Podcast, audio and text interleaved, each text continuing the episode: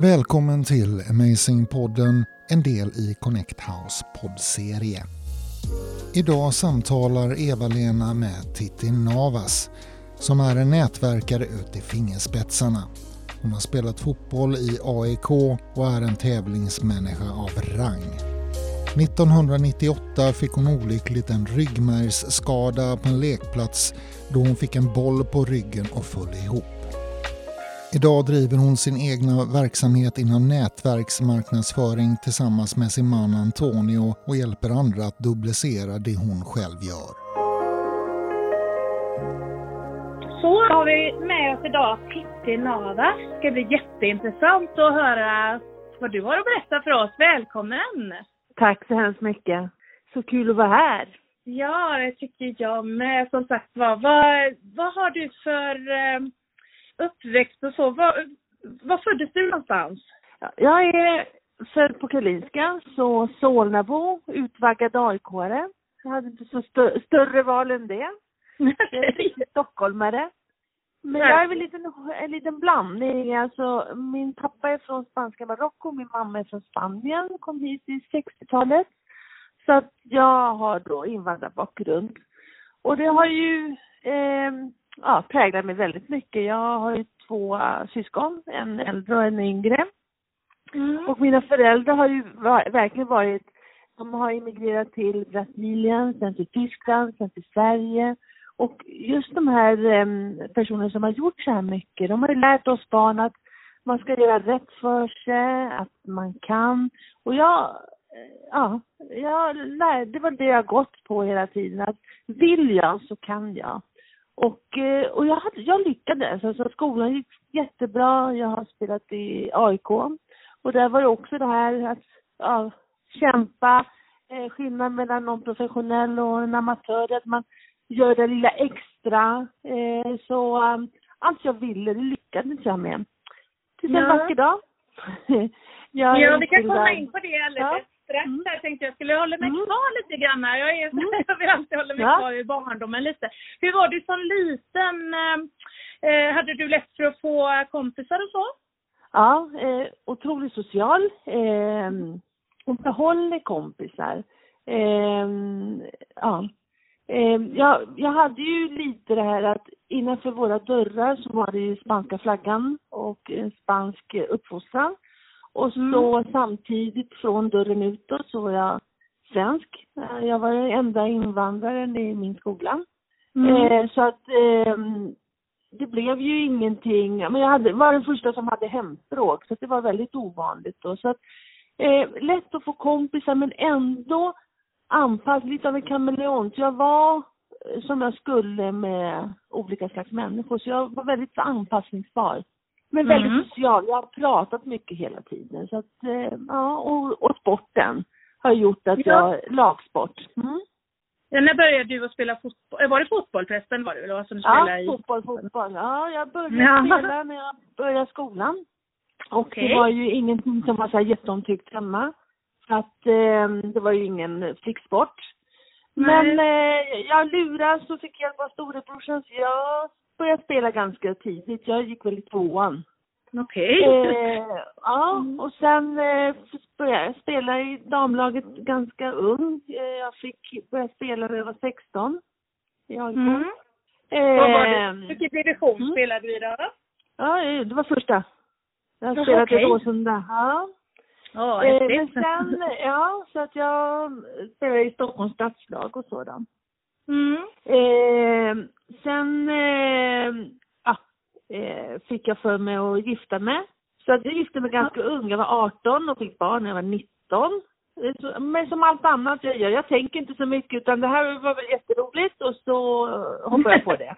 ja. Med en annan som var lika gammal som mig ungefär då. Och ja, så då la jag fotbollen på hyllan och började spela i korplag och så. Eh, ja, vad mer? Det var väl min barndom. Eh, vad gick du ja, på gymnasium och sådär? Ja, jag gick, jag gick eh, vårdlinjen. Och så, mm. så, så gick jag sjuksköterska. Okej. Okay. Mm. Jobbade du som det också eller? Ja, eh, jag jobbade eh, på en rehabavdelning och sen på neurologen. Men sen när jag var 22, då sökte jag jobb som eh, dagbarnvårdare eh, med barn med speciella behov för PBU då, psykiatrisk barn och mm. ungdom och barn som behövde extra hjälp med för att de hade svåra sjukdomar, svår allergi eller cancer och så. Så att eh, jag ja, jobbar då med det när eh, i åtta, nio år tills jag var 30. Mm. Eh, och eh, det var det jobbet jag hade som sist innan min, mitt liv förändrades då. Nej men och vad var det som hände då? Ja, det var en dag jag eh, hade ett barn som inte blev hämtad. Jag var nere på gården eh, för ja, vänta ut föräldrarna och den här flickan, ja, det var, de höll på att spela ute i gården på stora killar. Hon kom emellan, jag lyfte upp henne, satte henne i barnvagnen och de sköt en fotboll i ryggen på mig, råkade skjuta då. Och där eh, föll jag ihop och så låg jag på sjukhus i tio månader. Jag fick en ryggmärgsskada och blödning i hela ryggmärgen. Mm. Så um, livet ändrades väldigt, väldigt rejält då. Ja, vad, vad för tio månader? Hur, ja. vad, vad tänkte var du medveten om när du åkte in på sjukhuset?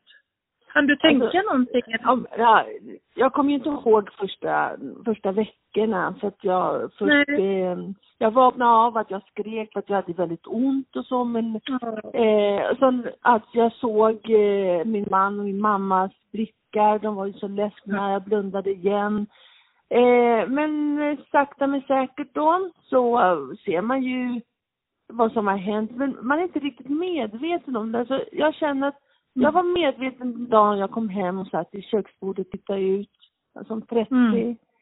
Eh, och eh, alla, alltså det var höst. Eh, alla, du vet, de här fåglarna eh, emigrerar.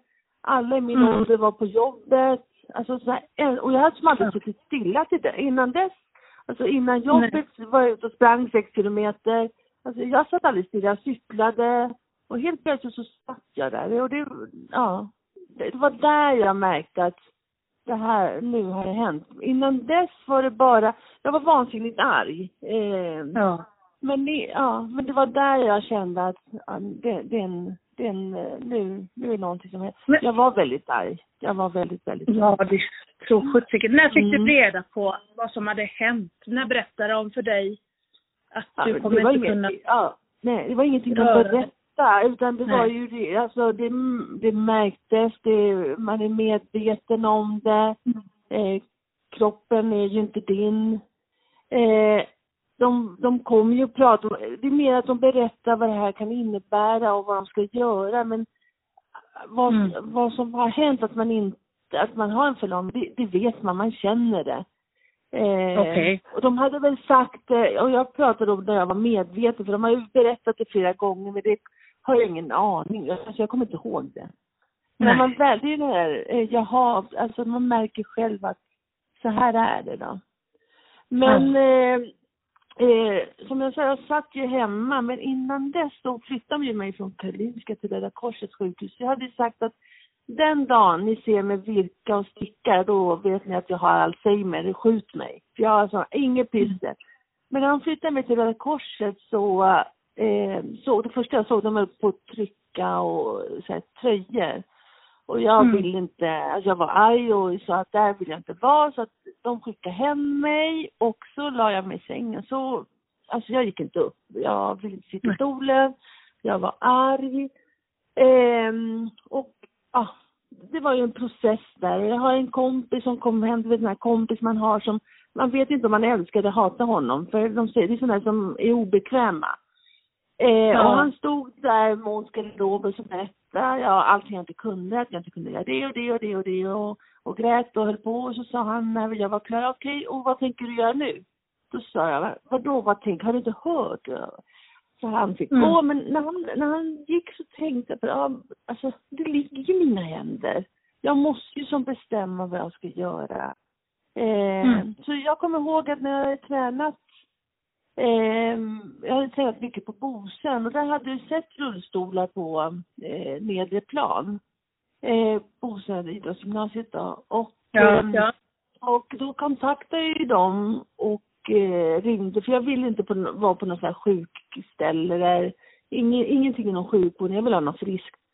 Så jag åkte dit och så sa jag att jag vill göra allting jag gjort innan eh, och jag har sex månader på mig, sex månader ska jag ta körkort. Och han mm. skrattade lite, massor som var ansvarig och jag fick vara där i sex månader och eh, träna med killarna som är OS och sådär då. Så att eh, de klarar av 30 varv runt banan och jag en, en halv på samma tid. Blåser i händerna. Men jag mm. där lärde jag mig att köra rullstol, eh, eh, rulltrappor, eh, ja, klara mig själv och få tillbaks känslan att jag har kontroll över livet på något sätt. Men det har ju varit flera, flera etapper där. Där var det en, jag lärde mig att klara mig själv.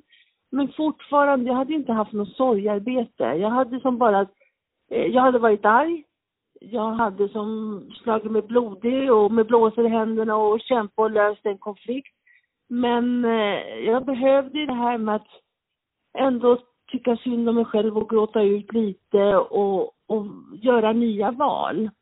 Och det var ju också någonting som hände. Jag skulle till neurologen och åkte förbi kyrkogården. Det, jag bodde precis bredvid. Och vad gör man? Man läser ju alla de här eh, gravstenarna och räknar ut hur gamla folk är. Så när jag väl kom till sjukhuset var jag otroligt ledsen. Mm. Och så neurologen frågade mig ja, hur det var och sådär och så jag bara grät och grät och grät. Och hon var så bra, för hon har sagt någonting som har följt mig under alla de här åren och det är det här att hon sa att, vet du Titti, om du ligger i din säng och så kommer den människa som du mest, mest älskar och du kan, och lägger sig bredvid dig och du kan inte se, du kan inte prata, du kan inte röra dig. Kan du förmedla att du älskar honom? Och i det här fallet, jag älskar min man, men ännu mer min son som var 11 år då. Mm. Eh, och jag tror verkligen, och som mamma framför allt, att lägger han sig bredvid mig så, ja, han kan känna sig älskad. För det är, det är en helt, anna, helt andra vibrationer. Och då mm. sa hon till mig att eh, allting som är viktigt, egentligen behöver vi bara existera. Vi behöver ju inte göra någonting. Jag behöver ju bara finnas. Allt annat kan man ju faktiskt betala för. Jag kan ju betala, man kan ju beställa maten från McDonalds. Jag behöver faktiskt inte laga mat. Eh, jag, hemtjänsten kan städa eller ja, eh, mm. andra kan köpa åt det. Men att vara jag, det är ju bara jag som kan vara det. Och jag behöver bara finnas. Och, och det har gjort att jag slappnade av och från den stunden så valde jag hur jag ville ha mitt liv. Mm. Eh, och då tänkte jag att det som hade hänt var ju jättetragiskt. Jag vill ju inte ändra på mitt liv. Men det är ändå ganska häftigt att som 30-åring få välja hur jag vill vara, vad jag vill jobba med, vad jag vill, hur, ja, vilka jag vill ha i mitt liv, vilka jag vill sudda bort från mitt liv. Ja. normalt sett, ja, får man göra det. Alltså, första valet när man väljer gymnasielinje som man inte har en mm. aning om. Men nu får jag göra precis samma sak, men med lite annan erfarenhet. Så därifrån eh, blev ju livet helt, helt, helt annorlunda. Men då har det ju gått nästan två år sedan skadan. Mm. Eh, ja, eh, då var det ju, ja, jag började läsa igen. Jag läste till brevinstruktör, lära andra. Eh, köra rullstol och eh, komma tillbaka till ett eh, vanligt liv. Ja, vad nu ett vanligt bara, liv är. Mm. Eller hur. Jag måste mm. fråga, din man där och så, det är ju naturligtvis jättefruktansvärt för honom att se sin älskade. Hur tog han det och sådär? Är det svårt att prata ja, om det kanske? Han, han, han har ju en personlighet som, eh, han har ju vuxit jättemycket där. Alltså, han är ju väldigt omhändertagande. Mm. Eh, och alltid varit det och eh, så att det var ju jättefärskt för honom. Eh, vi hade, han, han inte, när det väl hände så är det där sorgen för att man har ont med den som man älskar som har ont. Men sen ja. är det, han gick in i en roll att, ja, nu kan han, han med, hjälpa mig och han, han grejar sitt liv efter det. Men den stora passion var när jag tog tag i mitt liv och han tappade mm. kontrollen. Okay. Eh, det, det ledde ju till verkligen osäkerhet för honom, för han ville fortfarande att jag skulle må bra och ta hand om mig och jag behövde som stånga med blodet själv. Mm. Och där, där var den osäkerheten har ju varit det som var jobbigast för honom. Att eh, inte vad som har hänt utan att ställa sig vid sidan om och stödja när jag behöver men ändå hålla sig undan. Mm. Och det, det har ju varit den, den svåra processen. Det har varit den svåra processen. Men det, sen var det ju så också att eh, 2001 eh, när jag hade tagit tag i mitt livet då, då blev jag ju gravid. Mm. Jag fick ju, eh, hade jag suttit i rullstol i tre år. Eh, och så, blev, ja, så fick, fick vi en till pojke. Det var inget konstigt var... att ta det beslutet att, eh, för det blir ju ändå jobbigare naturligtvis att ha liten igen och sådär, men det, det tyckte ja, ni sig. Nej, jag, först, eh, jag märkte inte att jag var gravid förrän jag var i fjärde månaden för att jag tog så mycket tabletter och mediciner och allting var ju så, så att jag, det, det var ingenting som eh, absolut inte var planerat. Eh, och så var det, jag har ju aldrig varit så rädd i mitt liv för att en sak ha kontroll över sig själv och lära sig nytt men sen bli ansvarig för en annan person när man själv eh, i grund och botten känner sig väldigt osäker. Ja. Eh, är ju, var ju en, det var ju, det var jättesvårt men eh, som med allt annat, jag började checka av vilka som kunde så jag tog kontakt med andra föräldrar, eh, ryggmärgsskadade föräldrar då. Mm. Och eh, ja, fick eh, prata med dem och, och sen är det ju så att det man oroar sig för, det händer aldrig. Det man inte är förberedd på, det är det som blir jobbigt. Mm. Så att eh, det är prova sig fram som allt annat. Jag menar, Benjamin som är den yngsta, han är ju 20 år snart och han är ganska normal. Eh, hur mm. nu tonåringar kan vara normala, men ändå. Eh, men eh, det, har, det har gått bra. Det har gått bra. Det har varit, eh, jag har fått vara väldigt mycket mamma till honom. Eftersom jag har haft fördelen, jag hade, Linnea var, var 19 och då ska jag ju göra så mycket. Jag var ju på språng hela tiden. Eh, och då anpassa sig. Nu med, med den yngsta, då hade jag ju mycket ja, sängläge och jag fick ju faktiskt ta det lugnt och hade kanske inte så mycket utrymme för att röra mig och då hade jag ju mycket mer tid att lägga pussel med honom och ja, och prata med honom och eh, klappa och krama. Så att, eh, ja, det har ju varit en, en plus. Alltså, det, det som har varit jobbigt har blivit en så liten del av min vardag. Mm. Den, den, och den blir ju mindre och mindre. Och det är väl det, mm. alltså, att ta beslut, att livet ligger i mina händer hur jag vill leva det. Sen är det, alltså allting är inte så här jätteroligt och positivt och jag älskar absolut inte att sitta i rullstol. Men eh, det är helt okej. Okay. Alltså det, skulle jag ändra på det och eh, ta bort det jag är nu så är jag nog ganska nöjd ändå. Jag har lärt mig mycket som jag kanske inte skulle ha tänkt på om inte det här hade hänt. Det kan jag tro. Vad är det annars du eh, brinner för idag så där som du eh, ja, vill göra med ditt liv och sådär framöver? Ja, det eh, jag har, jag har, det, det jag vill och jag tycker om det är att använda tiden till saker som jag väljer att göra. Det är mm. väldigt sällan jag använder tiden till sånt som jag inte vill. Eh, jag slänger inte bort tiden. Och det är den, den stora skillnaden. Och då är det mycket det här att det jag gör eh, varje dag, alltså jag älskar att vara social, älskar att vara med människor, hjälpa människor, eh, utbilda, lära, eh, få folk att må bra. Och då har jag liksom hittat eh, ett arbetssätt där jag, det blir inte bara en hobby utan det blir ett sätt som jag kan livnära mig på också och ändå utvecklas. Och jag jobbar ju inom MLM då, eh, sedan länge. Det är ett bra sätt att, eh, det är väldigt socialt och du kan ju jobba egentligen ja. vad som helst med det. Och, liksom. och vet du vad det är? Och det som eh, skulle vara en nackdel alltså många av oss är ju inte eh, välkomna i arbetslivet många gånger. Alltså inte rullstol, mm. det är svårt. Det är Var kvinna över 50, det är också svårt att komma ut i arbetslivet. Eh, mm. Tråkigt nog ibland invandrarbakgrund också. Det är svårt att komma ut i arbetslivet på grund av eh, namn och så. Och då säger vi, det är inte synd om mig i några av aspekterna, men det, det, är verklighet. Men ja. det är MLM, alltså och nätverksarbete, där spelar sånt där ingen roll. Utan det blir bara ett extra verktyg. Mm. Eh, så att de, eh, de, det gör ju att jag kan nå andra människor. Det blir en styrka istället för svaghet.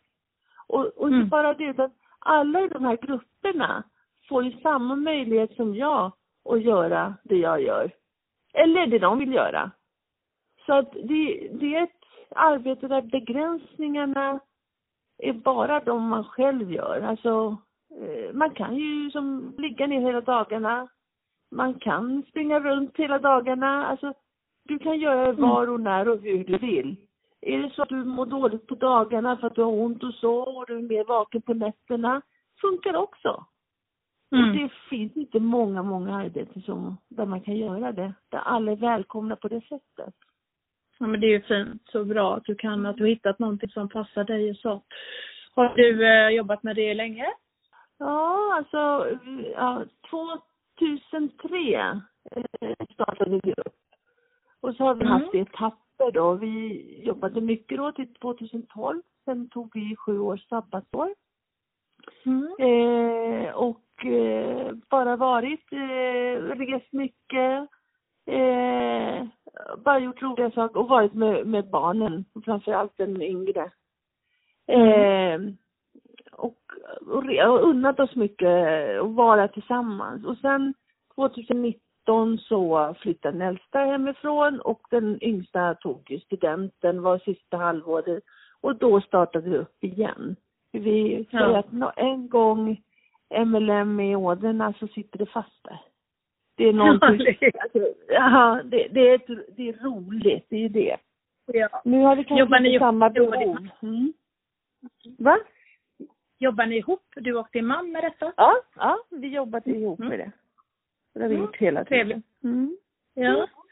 Eh, när det gäller annars eh, din skada så är det någonting som eh, någonsin kan liksom bli bättre eller är det, det är samma? Nej, jag, nej jag, ja, jag har en komplett ryggmärgsskada eh, och eh, det gör ju att jag från midjan neråt eh, är det mm. helt skadat. Men sen eh, fick jag ju en, ja, jag hade ju mycket, jag fick ju massa proppar också efter två, i början på 2003. Jag fick ett i benet, 14 lungan och till hjärtat. Och då hittade de att jag har en blodsjukdom eh, och eh, den gör att jag har, så jag har haft under de här åren lite sån här, lite proppar, lite tioanfall eh, som jag har fått komma tillbaks till och så. Så att det, mm. det har varit en resa och det låter ju väldigt tuttigt. Jag tänker mycket på vad mina föräldrar lärde mig att det jag det jag vill, det kan jag göra. Så det är inte omständighet, eh, omständigheterna som gör, alltså som visar vem jag är, utan vad jag gör trots mm. dem. Så jag känner att mm. jag har inte missat speciellt mycket i livet. Visst hade jag velat göra det lite annorlunda om jag hade fått välja. Men vem får mm. välja? Vem Eller får välja? Det är, så det är, inte mm. så, det är inte så speciellt. Men eh, ja, jag, spel, jag spelar bandy också. Nu är det ju corona och vi får inte träffas så mycket men vi, vi spelar rullstolsbandy varje måndag. Ja. Tre timmar. Ja. Eh, byggmästarade. Ja. Och det var min, mm. det är det mest längtar efter. Eh, ja, det tror jag. Ja, så att det, ja, man kan göra jättemycket och det här, ibland är det ju lättare när, när något sånt här händer och man måste välja allt eller inget. Eh, för ibland, jag kunde ju gått med mitt vanliga liv och blivit 54 och bara gått i, i samma räls och inte tagit några nya beslut utan var, ja, fortsatt att jobba med vad jag gjorde och så. Jag har fått mm. möjlighet att prova på annat. Jag har eh, möjlighet att ta ett steg tillbaka och titta på det jag gör och, och göra medvetna beslut. Och det för mig är den största gåvan. Största, mm. största gåvan. Ja, det är fint. Det, mm. det är faktiskt, och du är väldigt stark och sådär. Förmedlar du detta till någon med några föreläsningar och sånt där? För att det är så många som behöver höra dig. Ja, jag, jag gjorde det förut när jag bodde i Solna. Nu bor jag i Norrköping. Men sen mm. är det också, men det är, någon, det, det, är någonting som jag skulle vilja komma tillbaka till. Jag mm, hjälper okay. många och väljer assistansbolag och sånt. Mm. Eh, mm. för att det, jag har jobbat mycket aktiv inom neurologförbundet eller neuroförbundet. Mm. Eh, men eh, ja, ja, just nu gör jag ingenting sånt. Nej, nej. Mm. nej. Det kanske kommer igen. Det är ju inte sådär ja. lätt heller dessa tider, eller hur? Nej. Ja. Men vad härligt. Jag, får, jag tycker att vi avslutar och eh, är väldigt fascinerad av hur du, stark du är och eh, är så glad att få prata med dig. Och ta del av Men din tack själv. Ja. Det var jättekul. Verkligen, jag håller med. Men eh, du får ha det riktigt gott nu så hörs vi. Mm. Ha det så bra. Hej då. Hej, hej. hej. hej.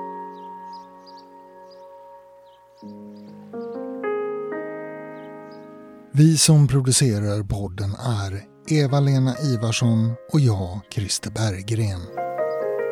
Fler poddar från Connect House kommer snart.